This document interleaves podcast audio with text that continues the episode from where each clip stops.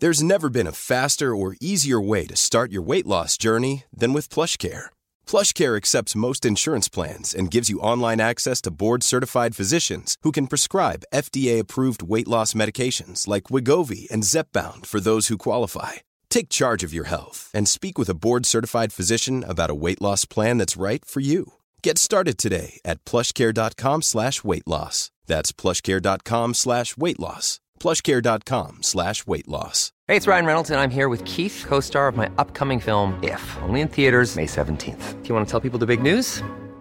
All right, I'll do. Sign up now and you'll get unlimited for $15 a month and six months of Paramount Plus Essential Plan on us. Mintmobile.com slash switch. Upfront payment of $45 equivalent to $15 per month. Unlimited over 40 gigabytes per month. Face lower speeds. Videos at 480p. Active Mint customers by 531.24 get six months of Paramount Plus Essential Plan. Auto renews after six months. Offer ends May 31st, 2024. Separate Paramount Plus registration required. Terms and conditions apply if rated PG.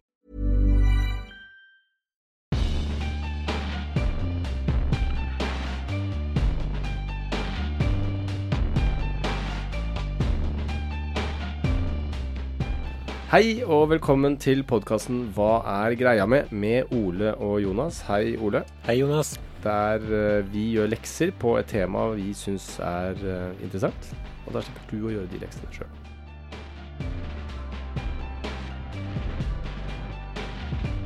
I dag så har vi et tema som uh, vi begge var veldig enige om skulle være et tema i podkasten.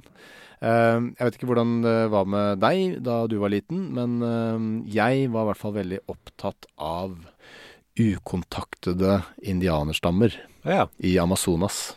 Ikke veldig opptatt av det, nei. Du var ikke det? Jeg, jeg tror mer enn din greie. Du, du var litt mer sånn utendørs eh, eksperimenterende barn enn det jeg var, tror jeg. Ok, Så du sier at du heller ikke lagde en egen indianerstamme i skogen med vennene dine? Nei, men eh, vi hadde eh, noen sånne cowboykriger gående, husker jeg. Med Ja. kruttlapppistoler og eh, do, masse dollarsedler. Mm. Ja. Så vi var med på den. Jeg tror vi- hadde ikke noen indianere. Som i ettertid har vist seg å være ganske bra sånn i forhold til eh, kulturell appropriasjon. Ja, Så var ingen indianere. ok. Men du, så du lagde ikke, lagde ikke eget språk, eksempel? Nei. Det prøvde jeg på. OK.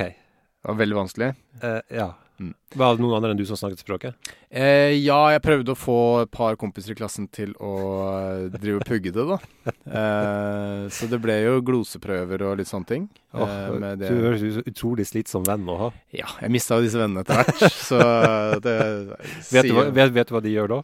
Han ene, han ene jobber som dørvakt, i hvert fall. Ja. Ja.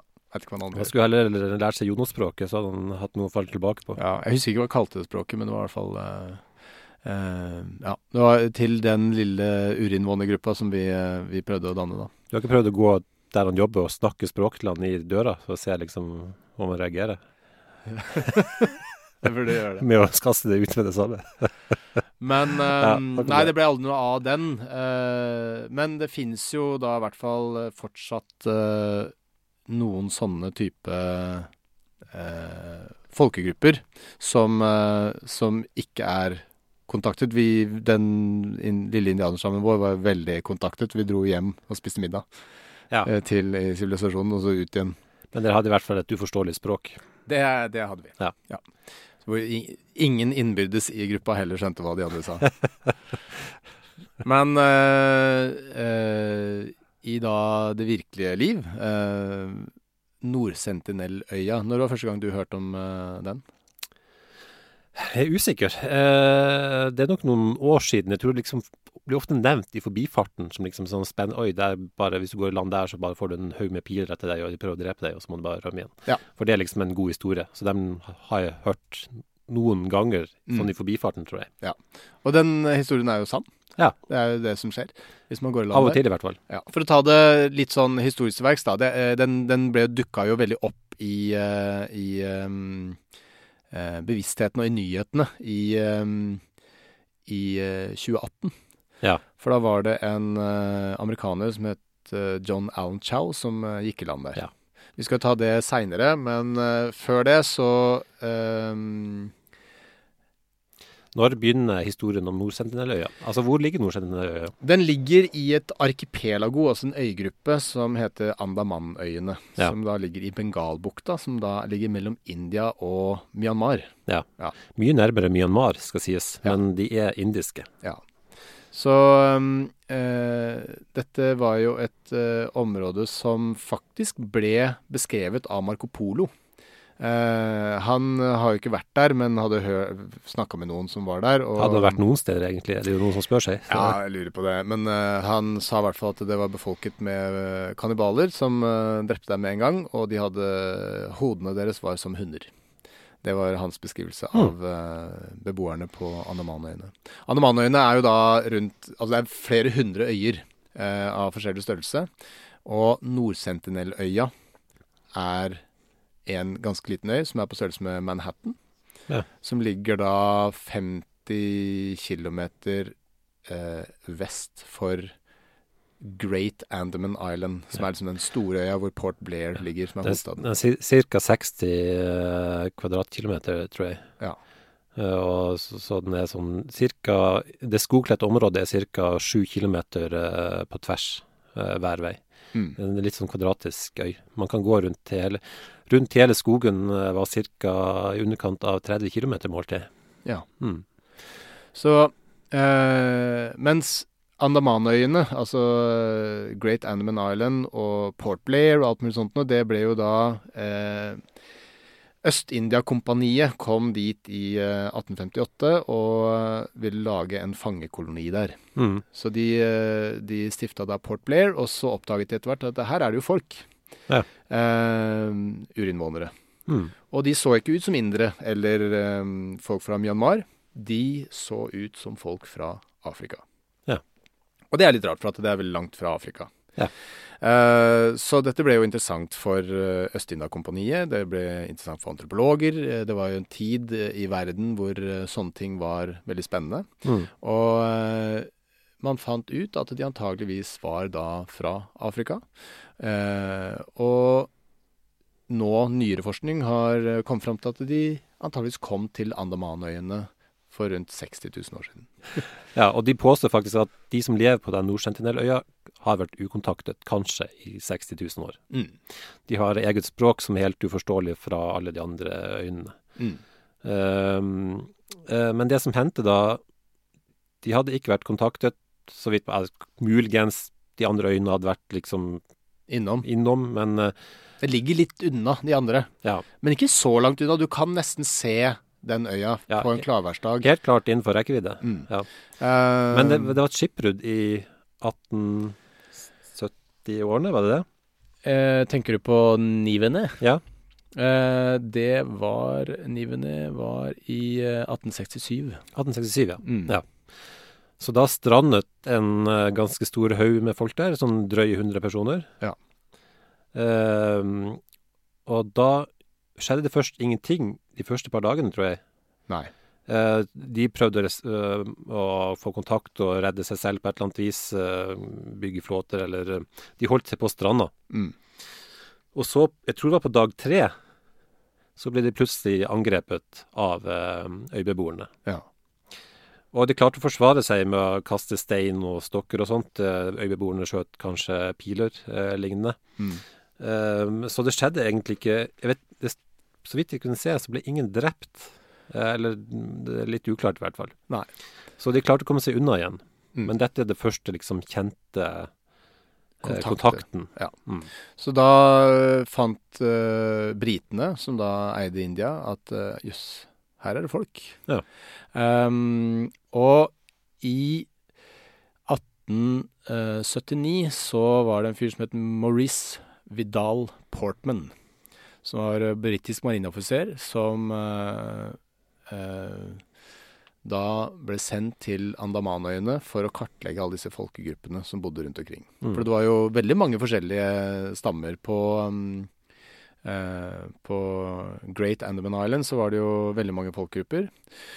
Og det at britene kom dit, eh, førte jo til nøyaktig samme som skjedde da eh, man befolket eh, amerikanske kontinentet Folk fikk sykdommer og døde i hopetall. Mm. Eh, de ble alkoholikere, de ble rusmisbrukere, de, de ble seksuelt misbrukt, de ble mm, eh, slakta ned eh, i eh, opprør og, mm, og konfrontasjoner. Mm. Um, men han eh, Portman eh, kom nå i hvert fall dit for å på en måte kartlegge og eh, beskrive disse menneskene. Så, så de går i land på øya og prøver å finne dem, rett og slett? Ja, og det var i eh, 19, eh, nei, 1880 at Ja. han, eh, han gikk i land der. 1880, ja. Ehm, Og, og, da, da, da gjemmer de seg? Ja, de ble Ja. borte, så de fant ingen. De rusla rundt, de så at det var litt sånn stier her og der, og, og ja. For det, på den tiden var jo dette veldig nytt for det, de som bodde på øya. De, dette var andre gangen de så noen fremmede, Ja. og, så de reagerte med frykt. da. Ja. Uh, så de rømte og gjemte seg et eller annet sted. Ja. Og så fant de eh, De fant eh, etter hvert et, eh, et gammelt par Mm. og en unge. Det er fire barn. Ja, de fant først eh, dette gamle paret og en unge, og så okay. tok de de til fange. Og på vei tilbake til båten så fant de tre unger til. Ja, okay. Tok med seg de. Ja. Så rein eh, bortføringsaksjon. Ja. Prøvde å liksom tenke at dette, dette er jo forskningsøyemed, så Mm. rettferdiggjør det ved å si at um, man skal finne ut hva, hva slags mennesker dette Ja. er. Um, disse gamle menneskene ble ganske fort syke og døde. Eh, De ble syke barn òg, tror de, men de gamle menneskene døde ganske fort. Mm. Og Så- da, da skjønner de kanskje at dette ikke var en kjempegod idé. Ja, Så de tok med seg barna tilbake igjen og satte Ja. jeg på stranda med masse gaver. Ja. Eh, kopper og kar og sånn forskjellig. Og så dro de. Og så dro de. Ja. Og det kan nok kanskje ha vært på en måte eh, spikeren i kista for eh, La oss kalle de sentinelesere. Mm. Eh, eh, utenrikspolitikk Ja. og innvandringspolitikk. og eh, den er i korte trekk All innvandring eh, er dødsstraff. Ja. Eller de prøver i hvert fall å jage bort folk stort sett så fort de bare kan, da. Mm. Men eh, ja, fordi man vet ikke hva som skjedde etter at disse barna ble satt tilbake. Sannsynligvis tok de med seg sykdommer. Ja. Sannsynligvis smittet de mange på øya. Sannsynligvis førte til at mange på øya døde. Ja. Men ikke alle, tydeligvis. De Mm. overlevde i hvert fall. Ja. Eh, så det førte nok til at da tenkte de at det her, dette gjør vi ikke igjen. Nei. Eh, leste du noe mer om han der eh, Maurice Vidal Portman, forresten? Eh, ikke noe særlig mer enn det du fortalte, nei. Nei, for han, eh, når han skulle drive og kartlegge disse folka eh, på Andamanøyene, Mm. så tok han jo veldig mye bilder og sånne ting. Og disse bildene finnes jo fortsatt. Eh, Og han beskriver jo disse menneskene i stor grad også. Mm. Eh, beskrivelsene er mye på hvordan penisen deres ser ut. Ok. Eh, uten å si noe mer. Han var en ugift fyr, fikk aldri Ja, barn, eh, alt mulig sånt noe. Eh, og likte jo disse menneskene. Han lærte seg tolv eh, tolv stammespråk og var på en måte engasjert der. Samtidig Mm. som han også innimellom drepte de og sånn, straffa de for, for ting. Men mye av de bildene han tok, er myk pornografi. Av peniser. Peniser og altså nakne, nakne menn da, som han setter opp i sånne der, eh, halvpornografiske posisjoner og, og sånn. Så, um, Hmm. så han hadde litt sånn assisterende motiver antageligvis da. Jeg skjønner. Eh, neste gang noen fra utenomverden kom til, eh, til den øya, det var i 1896, altså da eh, 15 år etter at eh, Portman satt tilbake disse barna. Ja. Så var det en eh, For at eh, Port Blair var jo da en eh, fangekoloni, eh, og det var en en fange som stakk av, som lagde seg en flåte og dro av gårde. Havna på Nord-Sentinelløya. Ja. Ble funnet seinere hakka i stykker. Ja. ja. Så han var jo da et av de første ofrene for da denne innvandringspolitikken. Ja. Um, Det kan hende at de bare ikke ville ha kriminelle innvandrere. Det vet vi ikke. Og så etter hvert så ble jo da eh, India eh, selvstendig. Og India ville da gi eh, litt sånn eh, signaler om hvor de, eh, hvor de eide ting. Mm. Så de kom jo også da til Nord-Sentinelløya og satte en steintavle på, eh, på et fjell der, hvor de skrev Dette «Dette er ganske her mye senere. Ja, det var i uh, 1970. Ikke sant? Ja. Så 100 år seinere er neste gang det kommer Ja. noen på øya. Ja, så da mm, skulle man nesten tro at uh, Sentinelreiseren hadde glemt hele greia. Ja. Ja. Virker ikke sånn. Nei. Så man visste jo hele tiden at det var folk der, men ingen, ingen dro dit. Eh, men det var foreløpig ingen regler mot å dra dit. Det var bare ikke noe grunn til å dra dit. Det var vanskelig å komme i land med, med båt, for det er, et, det er korallrev rundt hele øya. Mm. Eh, han eh, Portman som hadde vært i land, han eh, fant ut at det var ikke noe særlig dyrkbar mark. Han hadde heller ikke sett noe edelsteiner, gull eller diamanter eller noe sånt noe, som gjorde at eh, han eh, tenkte at det her er det noe han utnytter, på en måte. Jeg er ganske liten, så det var ikke noe å gjøre. Så det synes han, den var helt uinteressant. Mm. Da var det jo ingen som, som hadde noe grunn til å dra dit. Og de visste jo da at det, eh, det bor noen folk der som syns det er upopulært at man, eh, man kommer på besøk. Mm. Men i 1974 så var det jo da en, eh, en dokumentarfilm som skulle lages, som het um, Man in Search of Man. Ja. Og noen fotografer fra National Geographic. For de visste jo at det er jo en ukontaktet stamme som, ja. som bor på den øya. Ja. Så de dro i land. Eh, de hadde med seg en eh, levende gris. De hadde med seg en, eh, en dokke. De hadde med seg en lekebil. Mm. Og en del kopper og kar. Og kokosnøtter. Ja. De satt på stranda. Disse Det kom etter hvert folk ut på stranda for å på en måte kikke på disse tingene. Mm. Og så var det en som tok, en, tok opp en pil og bue.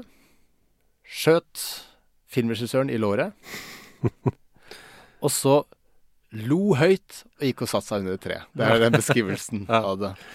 Det jeg syns er artig her, er i hvor stor grad de har veldig godt humør eh, midt i disse voldshandlingene. Ja, ja. Eh, for de, blir ofte beskrevet som at de ler når, Ja, ja. eh, når, eh, når de på en måte mm, Det er glad vold eh, Ja. i stammen. Eh, og så tok de og drepte denne grisen.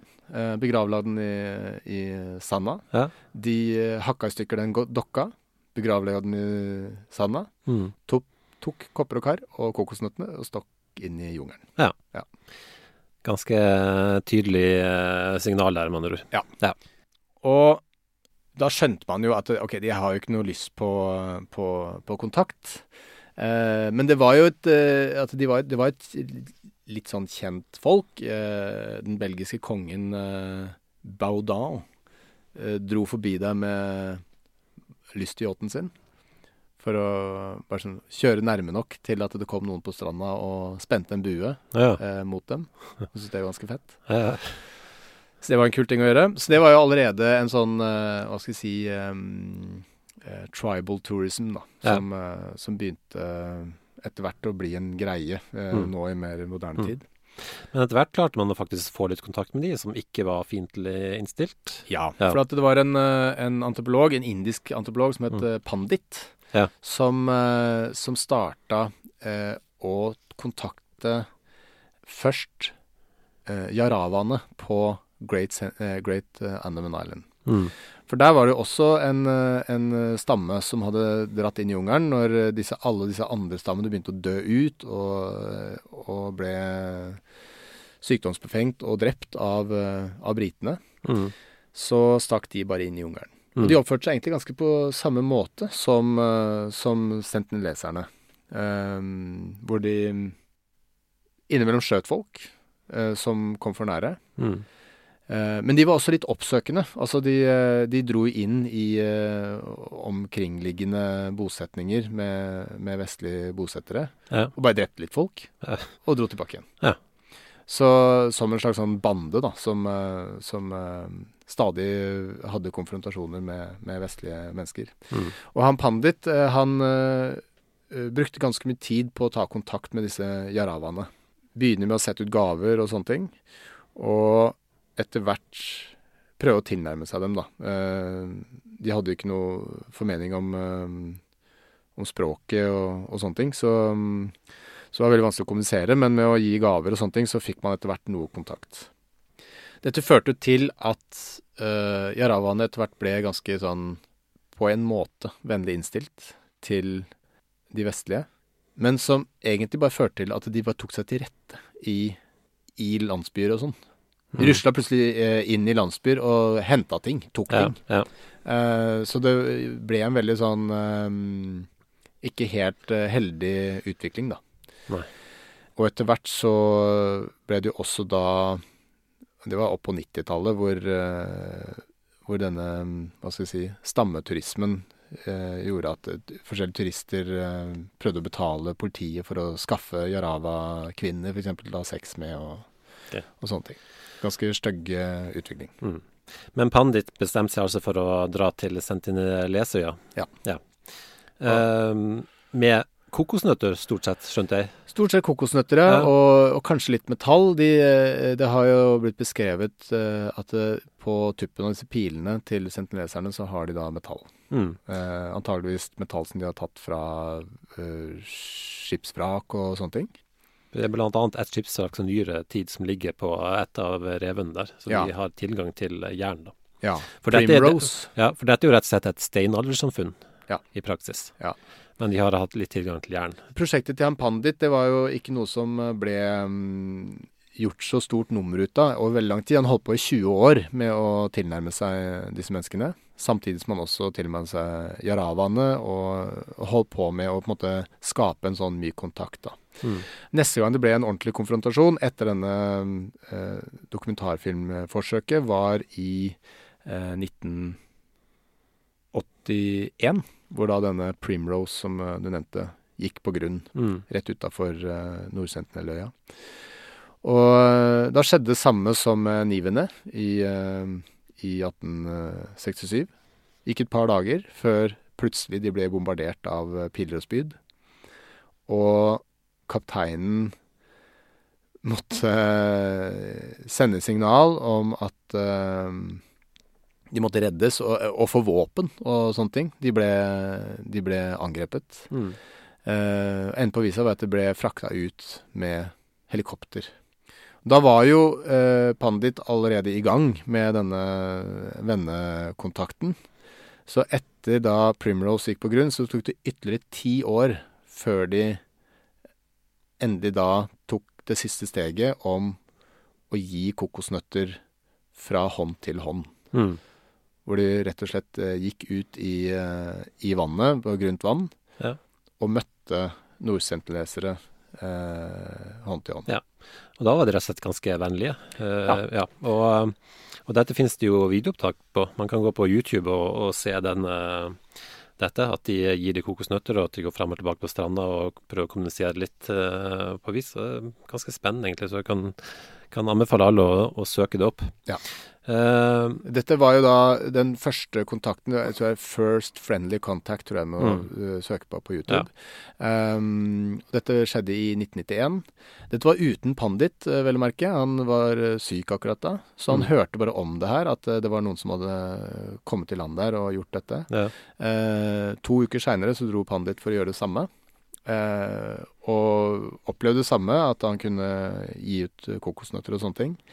Eh, men da resten Altså når, når han plutselig var alene eh, med, med disse nordsentleserne, så plutselig var det en som tok fram en kniv. Ja.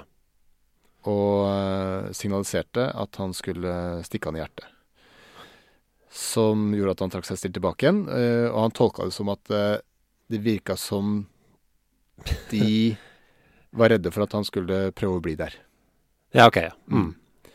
Så da er det da er i gang med denne dødsstraffen igjen for Ja. eh, innvandring. Ja, for noen mente også det kunne være at de hadde med seg en kvinne på disse eh, når de hadde friendly contact, at, at det hadde noe å si, da. At de når de så det var en kvinne med dem, at, at uh, sentineleserne ble vennligere innstilt, eller hadde mer tro på at de ikke kom Ja, At de vestlige hadde med seg en Ja, kvinne? ja. Mm. Mm. At det hadde kunne ha noe å si. Mm. Even on a budget, quality is non-negotiable. That's why Quince is the place to score high-end essentials at 50 to 80% less than similar brands. Get your hands on buttery soft cashmere sweaters from just 60 bucks, Italian leather jackets, and so much more. And the best part about Quince, they exclusively partner with factories committed to safe, ethical, and responsible manufacturing. Elevate your style without the elevated price tag with Quince. Go to quince.com slash upgrade for free shipping and 365-day returns. There's never been a faster or easier way to start your weight loss journey than with PlushCare. PlushCare accepts most insurance plans and gives you online access to board-certified physicians who can prescribe FDA-approved weight loss medications like Wigovi and Zepbound for those who qualify. Take charge of your health and speak with a board-certified physician about a weight loss plan that's right for you. Get started today at plushcare.com slash weight loss. That's plushcare.com slash weight loss. plushcare.com slash weight loss. Um, denne uh, videoen, også dette møtet da i 1991, det skapte ikke noe særlig uh, nyhetsoverskrifter verden rundt, fordi at ca. samtidig så gikk Irak inn i Kuwait. Ja. Og uh, da var det um, stort sett det som var nyhetene. Og så døde litt uh, interessen rundt uh, Nord-Sentinel-øya ut. Mm. Og i eh, 1997 så lagde India et eh, en sånn portforbud med eh, en del kilometers omkrets eh, Mm. ut fra øya. Ja. Var ikke lov å ferdes, og kystvakten holdt vakt der. Ja, for de så rett og slett ikke noe poeng i å kontakte de. Altså, hva ønsker man å opptatt? De snakker ikke noe språk som det er mulig å kommunisere med det i det hele tatt. De har gitt signal om at de ikke har lyst Ja. til å bli kontaktet, pluss at uh, erfaringen med jaravaene gikk Ja, jo til og det er veldig stor sjanse for at de har veldig dårlig immunforsvar mot uh, våre sykdommer. Så sjansen for at hvis de faktisk får kontakt med oss, at de nest, dør nesten alle sammen, er veldig stor. Mm. Så mm, de så rett og slett ikke noen hensikt i, bortsett fra vår nysgjerrighet, da, å, å forstyrre disse eh, menneskene. Mm. Så dette var jo da i 1991 siste kontakt. Samtidig, i Alabama 1991, blir John Allen Chow født. Ja. Fra en amerikansk eh, mor og en uh, kinesisk far. Jeg tror det. Det var en blanding av veldig mange forskjellige ting, eh, tror jeg, men sånn eh, grovt sett eh, amerikansk-kinesisk. Ja. Vokser opp i et um, godt kristent hjem. Ja. Um, veldig kristent hjem. Eh, ja, det viser etter hvert at faren ikke er så veldig religiøs nå lenger, i hvert fall. da. Nei, klok av skade, på en måte. Eh, da John er ti år, så finner han en kopi av boka Robinson Crusoe. Ja. Det syns han er ganske fett. Mm. Etter hvert uh, som John vokser opp, så er det to ting som interesserer han. Det er friluftsliv og Gud. Han, han har faktisk, Det ligger en eh, blogg ute på internett som han har laget, som handler om eh, reising. Eh, ligger tilgjengelig ennå, så han dro massevis på turer rundt eh, mest i USA, inn i villmarken. Han Ja. eh, var rett og slett en ganske eh, Han var kyndig, da. Ja, veldig, veldig dyktig. Uh, Ja. Instagrammen hans ligger fortsatt ute. Ja. Uh, det er stort sett bilder av han på tur. Ja. Turutstyr, klatring. Det er utendørsliv, da. Um, han hadde et forbilde, og det var misjonæren Jim Elliot. Eh, Jim ble mm, eh, reiste til Ecuador for å mm, omvende huaraniene. Mm. Og Jim ble da drept av eh, huaraniene i Ecuador i eh, 1956. Kona hans, Elisabeth, skrev i ettertid en bok om, om hendelsen. Det var en skole som ble oppkalt etter han, og også en musikal fra 2003 som het Love Above All, om Jim og kona. Da. Det er vel ikke akkurat den off, off, off Broadway, tipper jeg. Ja, den er en sånn kristen skole som lagde den musikalen.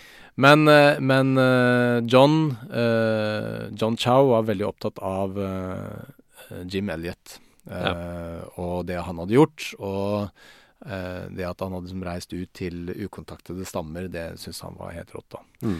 Um, han hadde litt eh, erfaring med, med sånn eh, hva skal vi si, misjonsarbeid. Han var med å bygge et barnehjem i Mexico i 2008.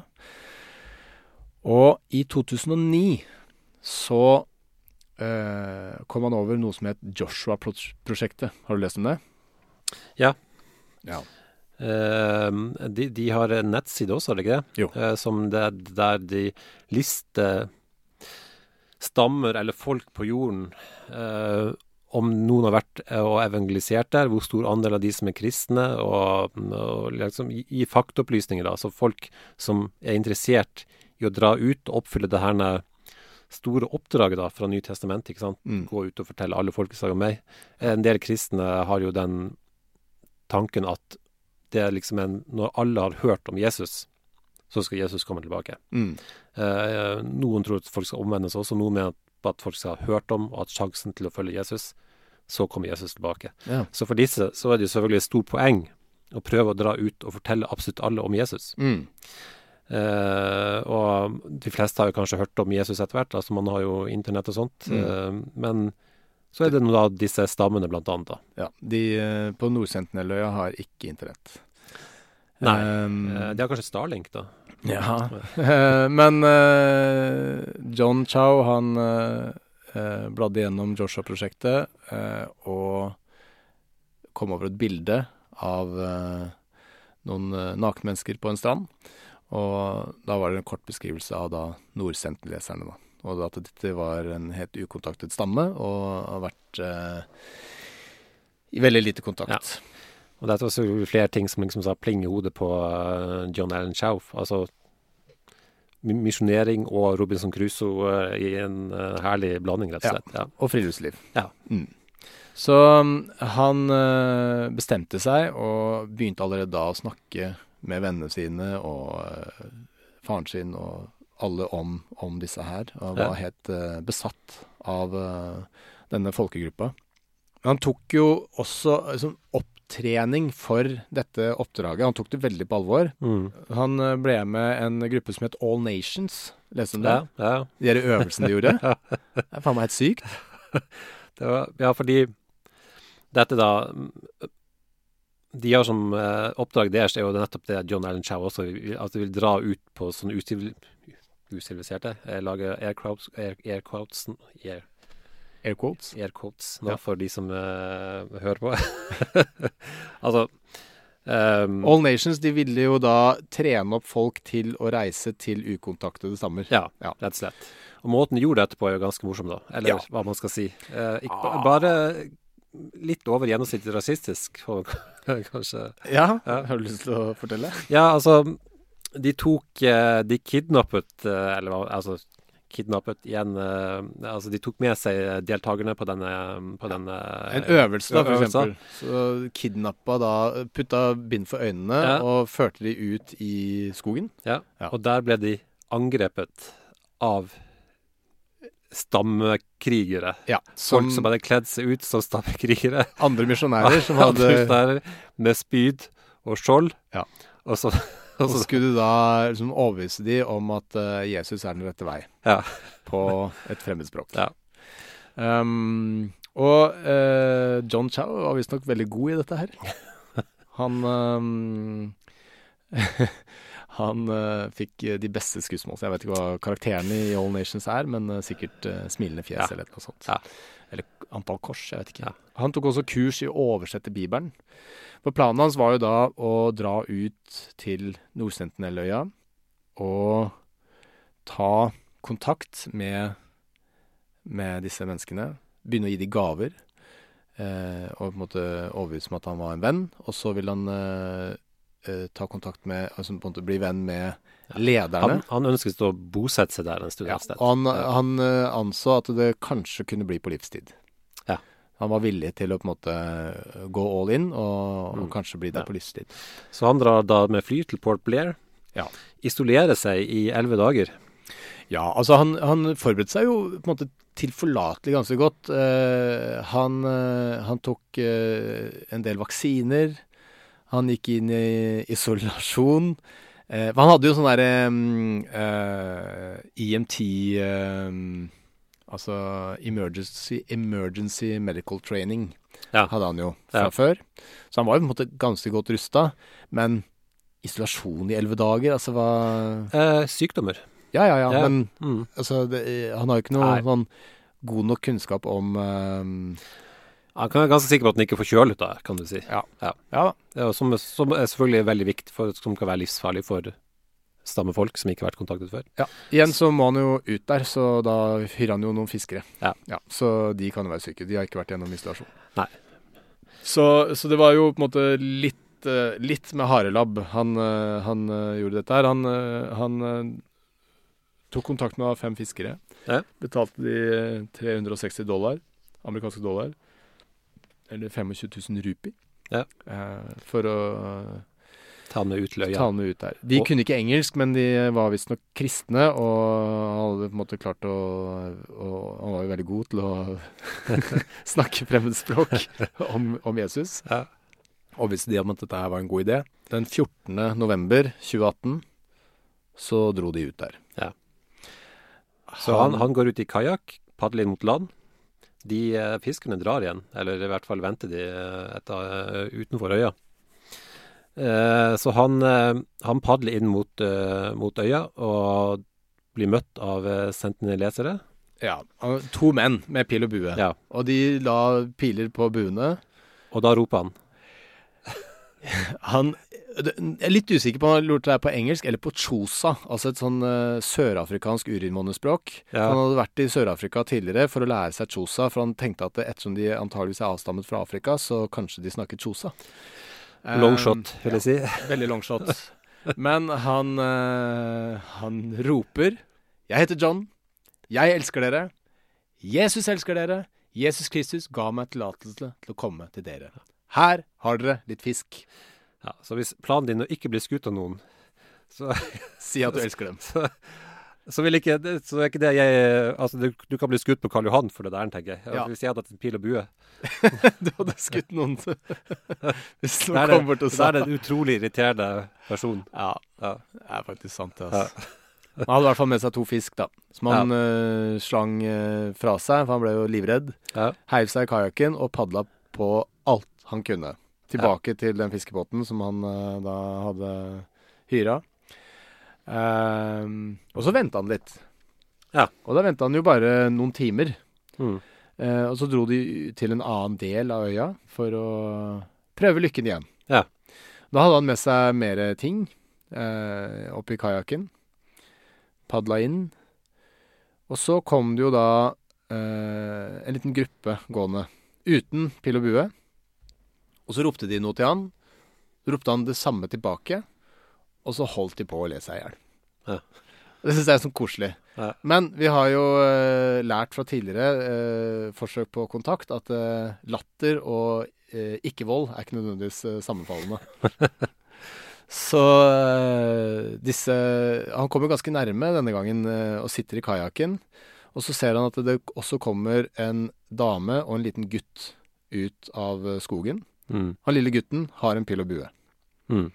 Eh, og eh, han er litt opptatt av å liksom, eh, gi fra seg gaver og sånne ting.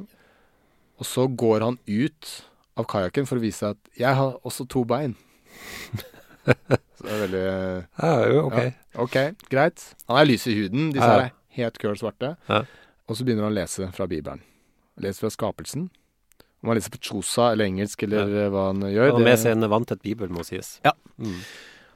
Og så lader han lille gutten uh, buen med Ja. en pil. Mm.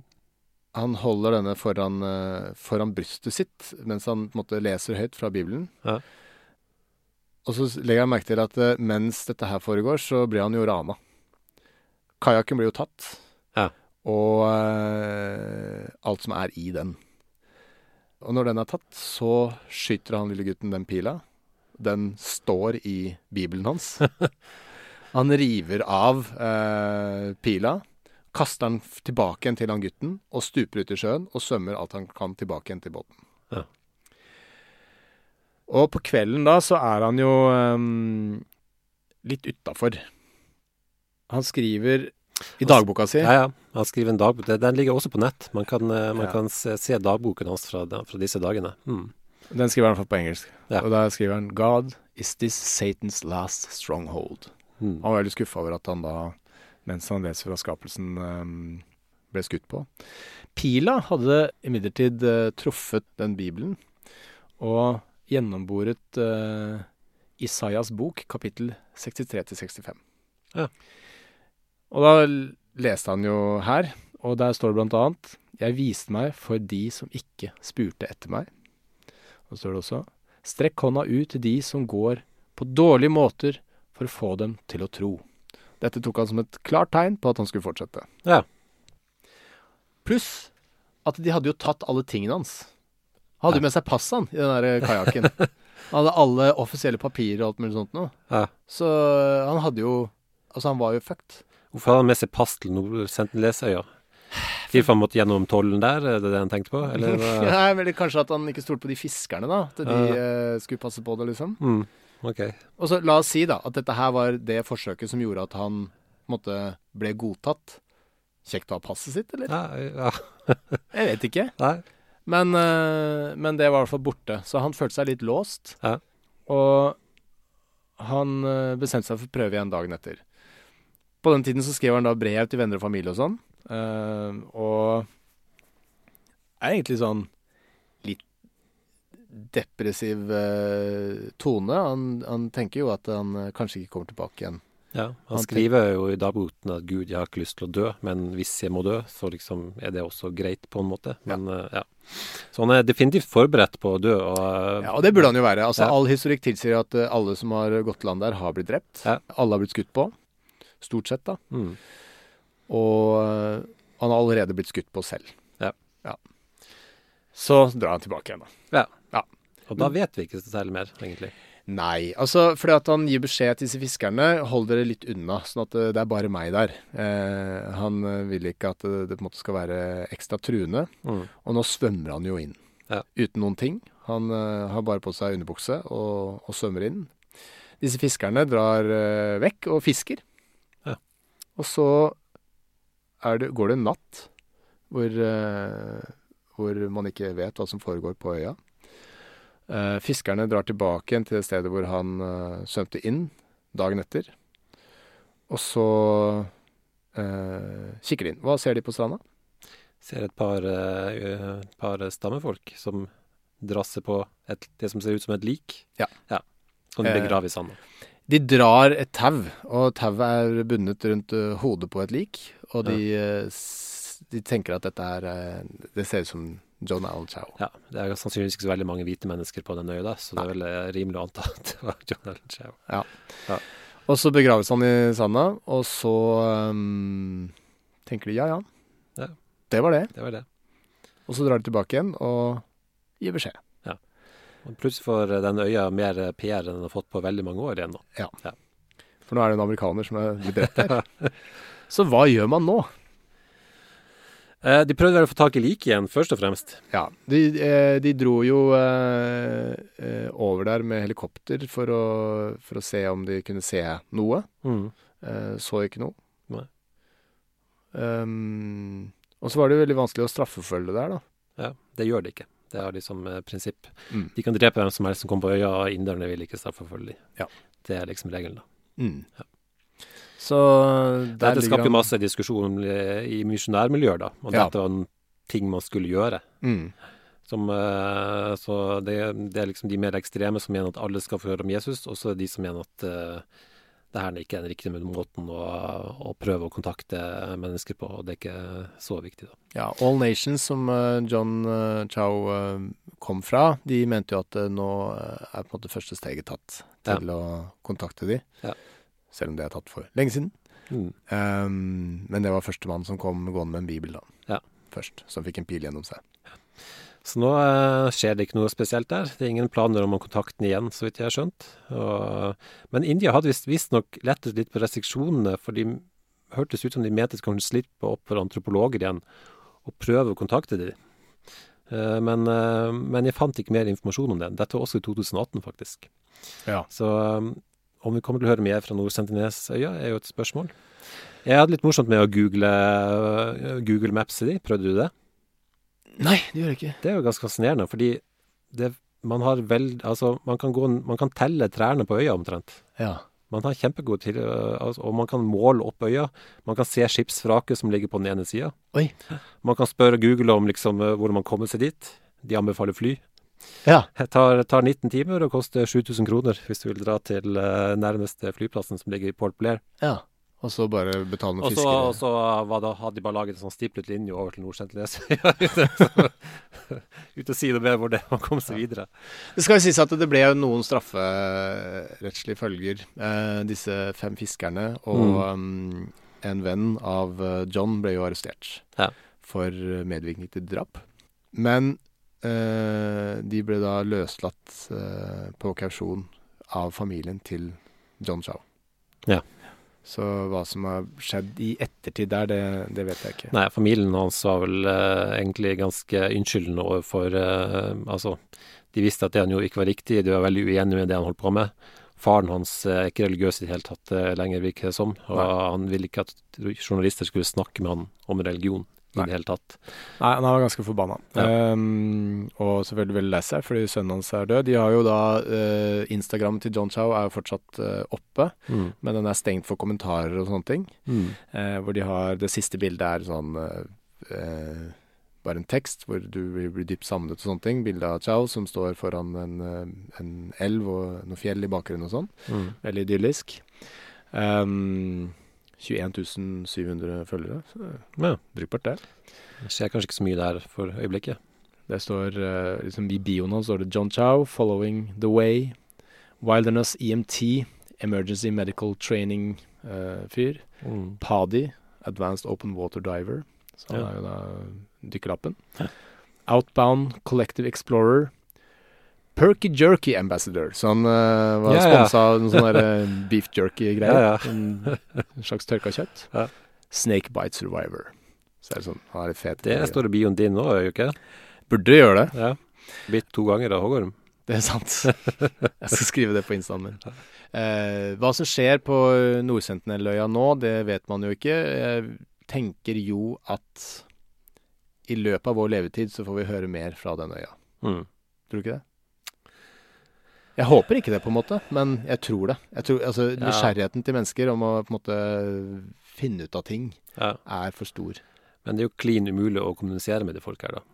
Det er klin umulig, ja. Ja. Men det er jo det som er spennende. da. Hva er det som- hva- Så det eneste måten å klare det på måte, er hvis man klarte å faktisk komme seg på øya, bli venner med dem og bo der en stund. Ja. Som er et kjemperiskabelt prosjekt. Først og fremst for å klare å ikke bli drept av de, og for det andre ikke smitte de med noen sykdommer. Hadde du dratt hvis du fikk muligheten? Det spørs hva du Jeg hadde ikke gått i land der, hvis det er det du spør om. Nei. Nei. Nei, for det, for det er jo altså det, det vil jo ikke de at du skal. Så, så det er jo dårlig gjort, eh, på en måte. Men du kan jo også si at det, Jeg er mest redd for å dø. ja, ja, men hvis du går i land med sånn kevlarrustning Ja, ja, OK. Ja, ja. Du kan vandre rundt på øya i en sånn bjørnedrakt, tenker du liksom? Og, Ja. Sånn der maskot fra et eller annet sånn eh, fotballstevne i Ja, ja. Så går du i land og bare er motstandsdyktig mot alle bilene. Jeg skjønner ikke at han John uh, Chow ikke Ikke tenkte på gjorde det. det, ja. Nei, det hadde vært en, selvfølgelig en uh, morsom fremgangsmåte. Ja. Det, får bli, det får bli ditt prosjekt. Ja, for jeg tenker jo at eh, man må kunne ta høyde for at den innvandringspolitikken de har, er feil. Altså jeg skjønner jo at den er godt uh, fundert, på en måte.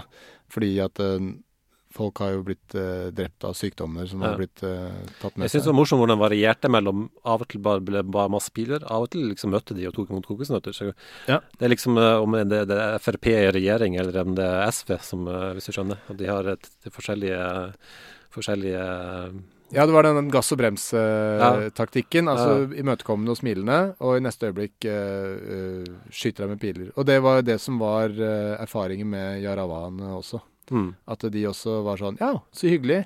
Og så dagen etter så plutselig drepte de masse folk. Ja. Og så tok de imot eh, kokosnøtter en dag etter. Så det er sånn, ja. Gass og brems. Ja. Mm. Så eh, skal vi avslutte med eh, ordene fra dagboka til John Chow, eh, som han skrev da eh, et par dager før han eh, ble drept, da. Ja. What made these people so hostile? Why does this beautiful place have so much death? Ja. På grunn av idioter som kommer i land og Ja. skal lage trøbbel. fucke ting opp. Ja. Mm. Som John Chao.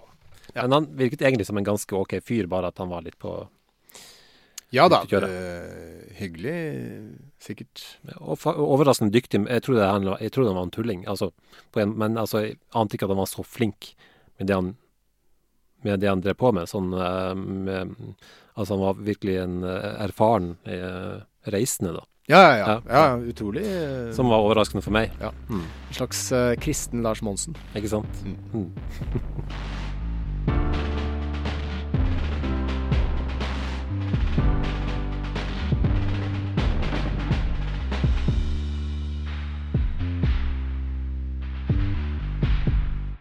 Produsert av Klinge.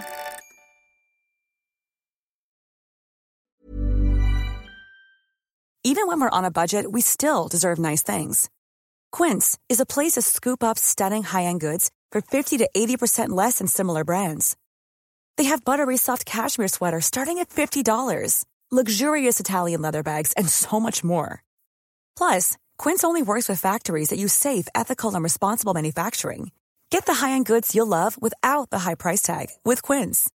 Go to quince.com slash style for free shipping and 365-day returns. It's the Kia Summer Sticker Sales Event, so give your friends something to look at, like a B&B with an ocean view, an endless field of wildflowers, or a sunset that needs no filter. Make this a summer to share and save with a capable Kia SUV or powerful sedan. See your local Kia dealer or visit kia.com to learn more. Kia, movement that inspires. Call 800 334 Kia for details. Always drive safely. Sale applies to purchase of specially tagged 2024 vehicles only. Quantities are limited. Must take delivery by 7824.